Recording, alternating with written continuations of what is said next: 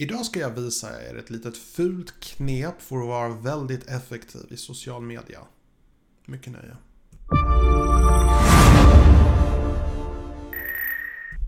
Hej och välkommen till min kanal, mitt namn är Tommy och jag hjälper dig att bemästra social media idag. Så dagens video tänkte att jag skulle visa ett litet knep som jag använder som jag tror kommer hjälpa er väldigt mycket att vara aktiva på social media på ett sätt som inte ni har varit förut. Um, så om vi säger till exempel att ni har ett Twitterkonto eh, där ni har en massa poster eh, och jag har ett Twitterkonto, om inte ni följer mig där så bör ni göra det redan nu. Eh, där jag lägger upp en massa tips och förslag och sånt. Men poängen är den att jag lägger upp bilder och poster. Jag lägger även upp nyheter, saker som jag tycker är viktiga. Jag lägger upp poster och jag skriver faktiskt text av mer värde.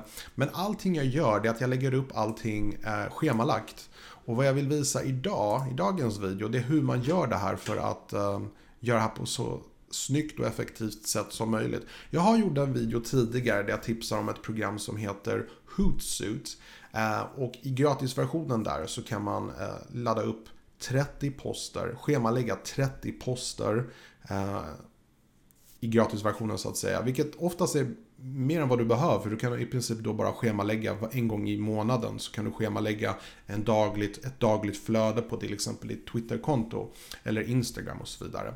Men det finns ett ännu bättre knep eh, som jag ska visa just idag. Och innan du tittar på det här, du kanske klickar dig vidare för du tänker det här är väl inte jag hålla på med, jag vill göra YouTube-videon och så vidare. Jag vill förklara för er att den stora fördelen med att vara aktiv på flera sociala medier, det finns för det första massor med fördelar på att vara aktiv på flera sociala medier. För det första så finns det folk som hänger på olika sociala medier. Det finns folk som hänger på Facebook men inte på YouTube. Det finns folk som hänger på Instagram men inte Twitter och så vidare. Så att om man är lite grann effektiv så kan man vara aktiv på precis alla sociala medier och då kan man använda lite sådana här så smarta knep och dagens video handlar om just ett sånt smart knep som är helt gratis att använda och som faktiskt hjälper dig att vara aktiv på Twitter och Facebook. Så vad du gör är att du ska utnyttja Facebooks schemaläggare. Vi går över till Facebook och jag ska visa er en sak som jag har här. Eh, och det är min Facebook-sida. Om inte du har en Facebook-sida, nu pratar jag inte om en vanligt Facebook-konto, personligt konto, utan jag pratar om att skapa en, en sida. En sida där du faktiskt lägger upp eh, eh poster, du kan lägga upp länkar till dina videon till exempel. Och det här är ett sätt att få med sig människor från Facebook över till din YouTube-kanal. Så det här är ett väldigt bra tips. Plus att om ni kan se här, mycket information här är bara vad jag kan se, ingen annan ser det. Jag har till exempel 50 schemalagda poster redan. Och det är det jag ville visa idag. Ni kan gå in här uppe på publiceringsverktyg. Kom ihåg, det här funkar bara om ni har en page, en sida för er kanal. Eh, så det är ett tips att ni skaffar en sån sak. Ni går in sen på publiceringsverktyg.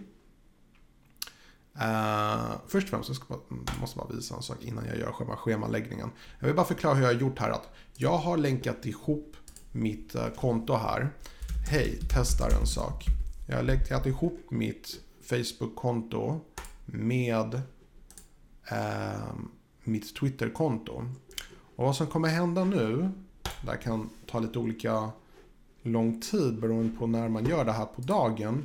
Men om allting går som det ska så kommer ni se det här meddelandet även här. Ska se, ska bara uppdatera den här. Och där är jag. Hej, testar en sak. Så, det du skriver på din Facebook-sida poppar även upp på Twitter. Så jag lägger upp en länk till en video så kommer även den poppa upp här också som en eh, länk till din video. Så här vad du ska göra. Du ska gå in på publiceringsverktyg. Uh, och så kan du se dina publicerade saker. Du kan se hur många människor som har sett dina poster. Hur många som har klickat på länkarna i dem. Du ser jag får några länkningar. Jag är inte jätteaktiv på Facebook för jag ska vara ärlig, jag tycker inte om Facebook. Jag ska göra en video om det snart, om varför jag inte gör det. Men vad du kan göra sen är att du kan gå in på schemalägga, schemalagda inlägg och skriva poster i förtid. Och vad jag brukar göra är att jag brukar lägga upp mina videon på nytt. Mina gamla videon brukar jag lägga upp på nytt.